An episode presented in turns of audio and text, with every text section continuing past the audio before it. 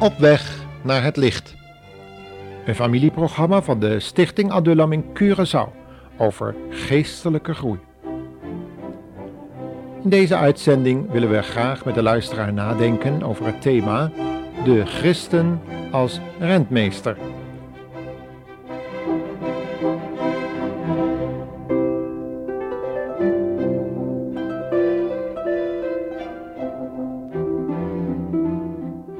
Binnen de serie Op weg naar het licht. Heeft u het ook opgemerkt dat mensen zo kunnen veranderen zodra ze in het bezit van geld komen? De een krijgt plotseling een erfenis, de ander wint de hoofdprijs uit een loterij. Weer een ander heeft een zeer voordelige handelstransactie afgesloten. Kortom, men is in het bezit van geld gekomen. En wat nu? Want de Bijbel zegt dat dan ook de mammon is binnengekomen. Over het algemeen is er een zekere volwassenheid nodig en een nuchtere instelling om op de juiste, beter gezegd op een christelijke wijze met geld om te kunnen gaan. De Bijbel geeft regels en aanwijzingen voor alle terreinen van het leven en is daarin uniek en volmaakt en beschrijft dus ook hoe wij als rentmeesters met onze financiën mogen omgaan. In zijn oneindige liefde en wijsheid heeft God de mensen zijn gedachten bekendgemaakt en een voorbeeld gegeven in zijn Zoon, de Heer Jezus Christus. Laten we ons daarom opnieuw wenden naar de Heilige Schrift, waarin we duidelijke aanwijzingen vinden hoe we op een christelijke wijze een goed rentmeester kunnen worden en ook kunnen blijven.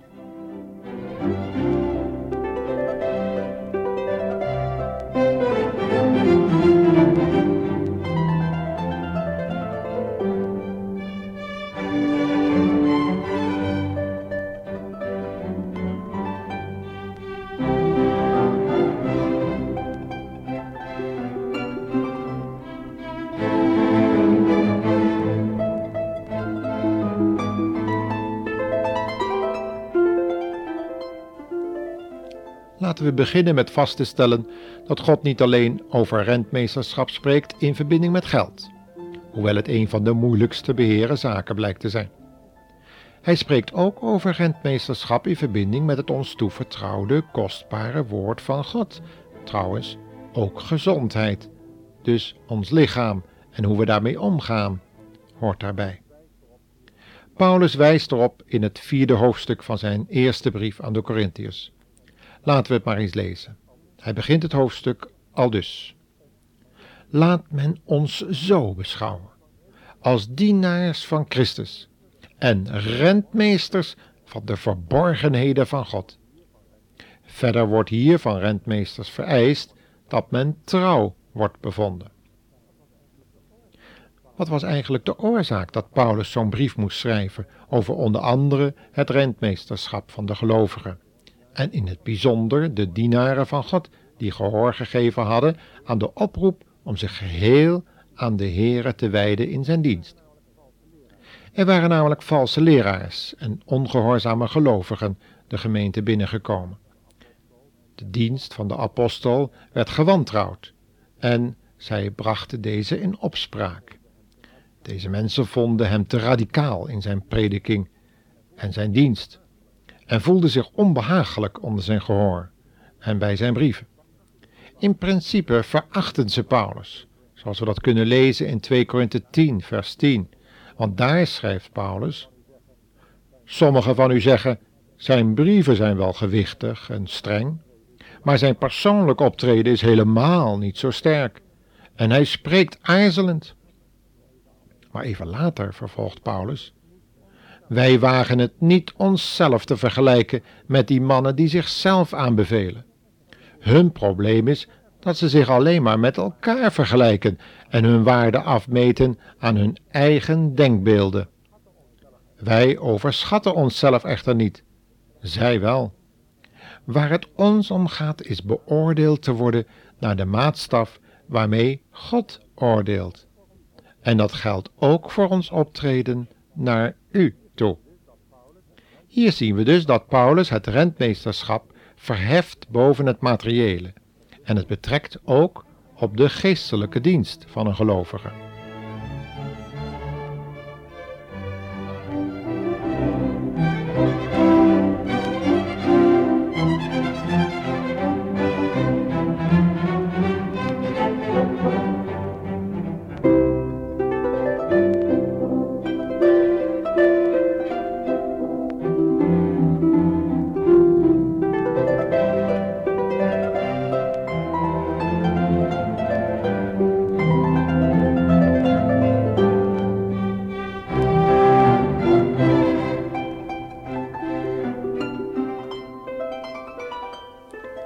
Toch weten we dat het vooral misgaat onder gelovigen als het om de financiën gaat. Vaak gaan gelovigen met het geld om, vooral in rijke landen, alsof het water is. Ze laten het tussen de vingers doorglippen zonder erbij na te denken hoeveel mensen er hard voor hebben moeten werken.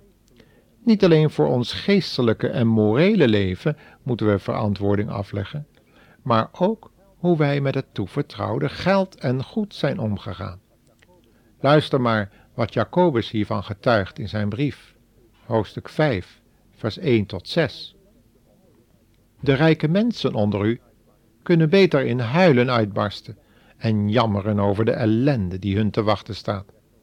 Uw rijkdom is weggerot, uw mooie kleren zijn door de mot aangevreten, en uw zilver en goud zijn waardeloos geworden. Omdat u het renteloos hebt laten liggen, zult u erdoor worden aangeklaagd, en u zult erdoor worden verteerd als door een vuur. Al die ellende hebt u zelf opgespaard voor de dag van het grote oordeel. Luister naar het geschreeuw van de landarbeiders, die u niet hebt gegeven wat zij verdienden. De oppermachtige Heere heeft hun geschreeuw ook gehoord. U hebt op aarde plezier gehad. U hebt in grote weelde geleefd en u zelf vet gemest voor de slacht. U hebt goede mensen die zich niet tegen u konden verdedigen, veroordeeld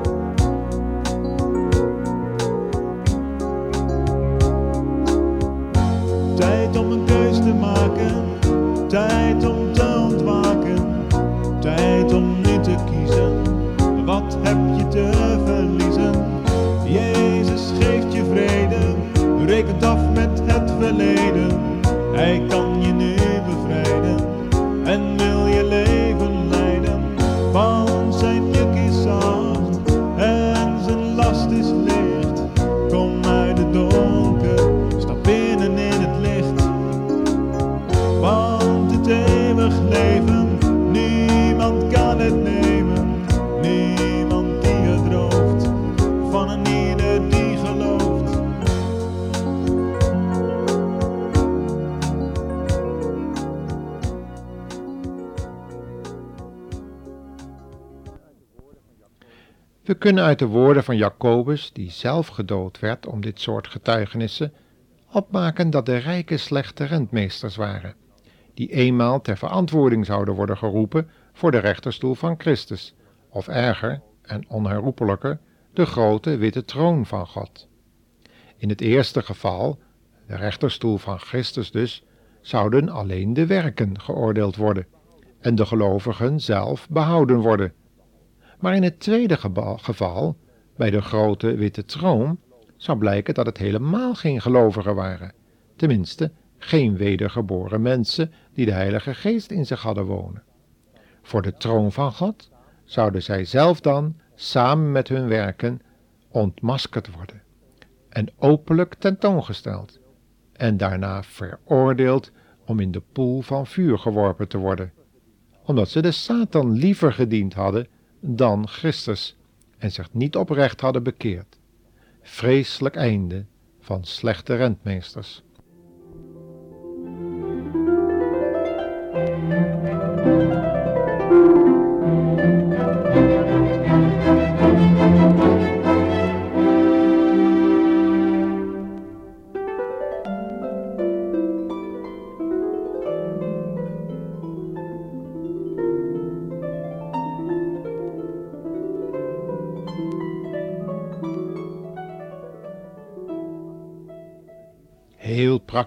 Kunnen we zien hoe het de rijke mensen in Kuwait is vergaan en in Libanon, dat eens het paradijs van het Midden-Oosten werd genoemd.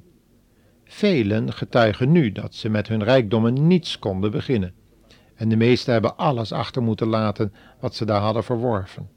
Arm en berooid konden ze soms alleen het vege lijf redden. Misschien dat ze nu verstaan wat de Heer Jezus zei, dat het moeilijk is voor een rijke in het koninkrijk Gods in te gaan, zoals het bijna onmogelijk is dat een kameel gaat door het oog van een naald. Kent u die gelijkenis?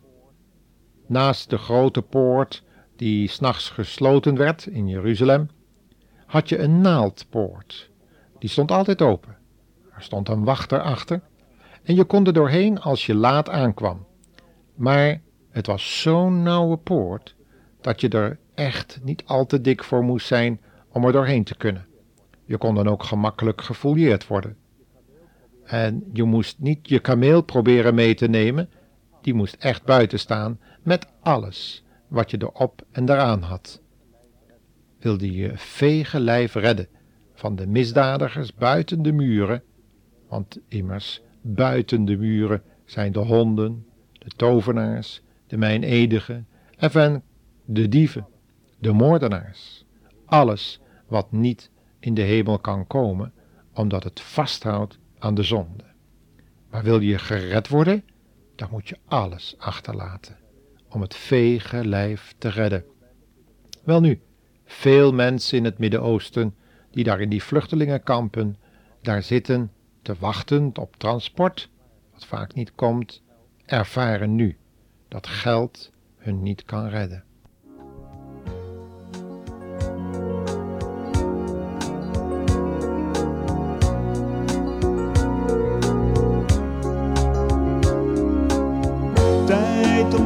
Om een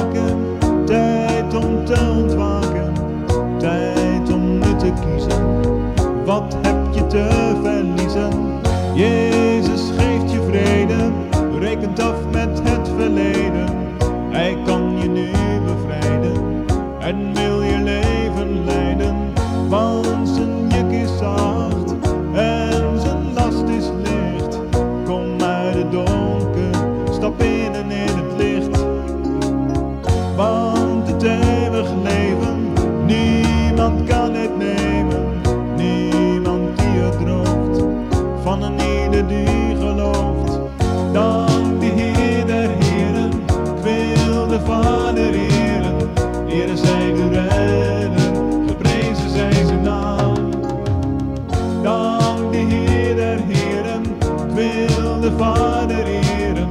Eer zij de redder, geprezen zij zijn naam. Geprezen zij zijn naam. Dank de Heer der Heren, wil de Vader eren. Ten slotte wil ik mijn luisteraars er nog op wijzen dat God mensen ook gaven heeft gegeven. Zoals er in Efeze 4, vers 8 staat. Deze men moeten als talenten in dienst van de meester beheerd en besteed worden, vruchtbaar gemaakt dus. De Jezus spreekt daarover in de vorm van een gelijkenis. Luister maar hoe het in Matthäus 20, vers 3 gaat. Op de markt zag hij werkloze mannen staan. Hij zei dat zij ook in de wijngaard konden gaan werken en dat hij ze zou betalen wat redelijk was. En ze gingen. Om een uur of vijf ging hij nog eens naar de stad. Weer zag hij een stel mannen die niets te doen hadden. Waarom hangen jullie hier de hele dag rond? Omdat niemand ons heeft gevraagd om te komen werken, antwoordde zij. Ga naar mijn wijngaard om de anderen te helpen, reageerde hij erop. Het verhaal eindigt dan met de uitbetaling aan het einde van de dag, waarbij degenen die het laatste gekomen waren om te werken, het eerste uitbetaald kregen. En, tot groter ergernis van degenen die in de hitte van de dag gewerkt hadden, evenveel ontvingen als zij die zo lang hadden gearbeid. Wij zouden wellicht ook hiertegen geprotesteerd hebben. Maar de Heer Jezus legde de verbouwereerde omstanders en discipelen uit dat Hij uit genade wil handelen en niet op grond van prestaties van de mens. Moeilijke les, luisteraar. Vooral als we rijk zijn of het ruim hebben. Laten we hierover nadenken en ons opnieuw bezinnen op onze verantwoordelijkheid in de wereld en als gelovigen in de gemeente van God.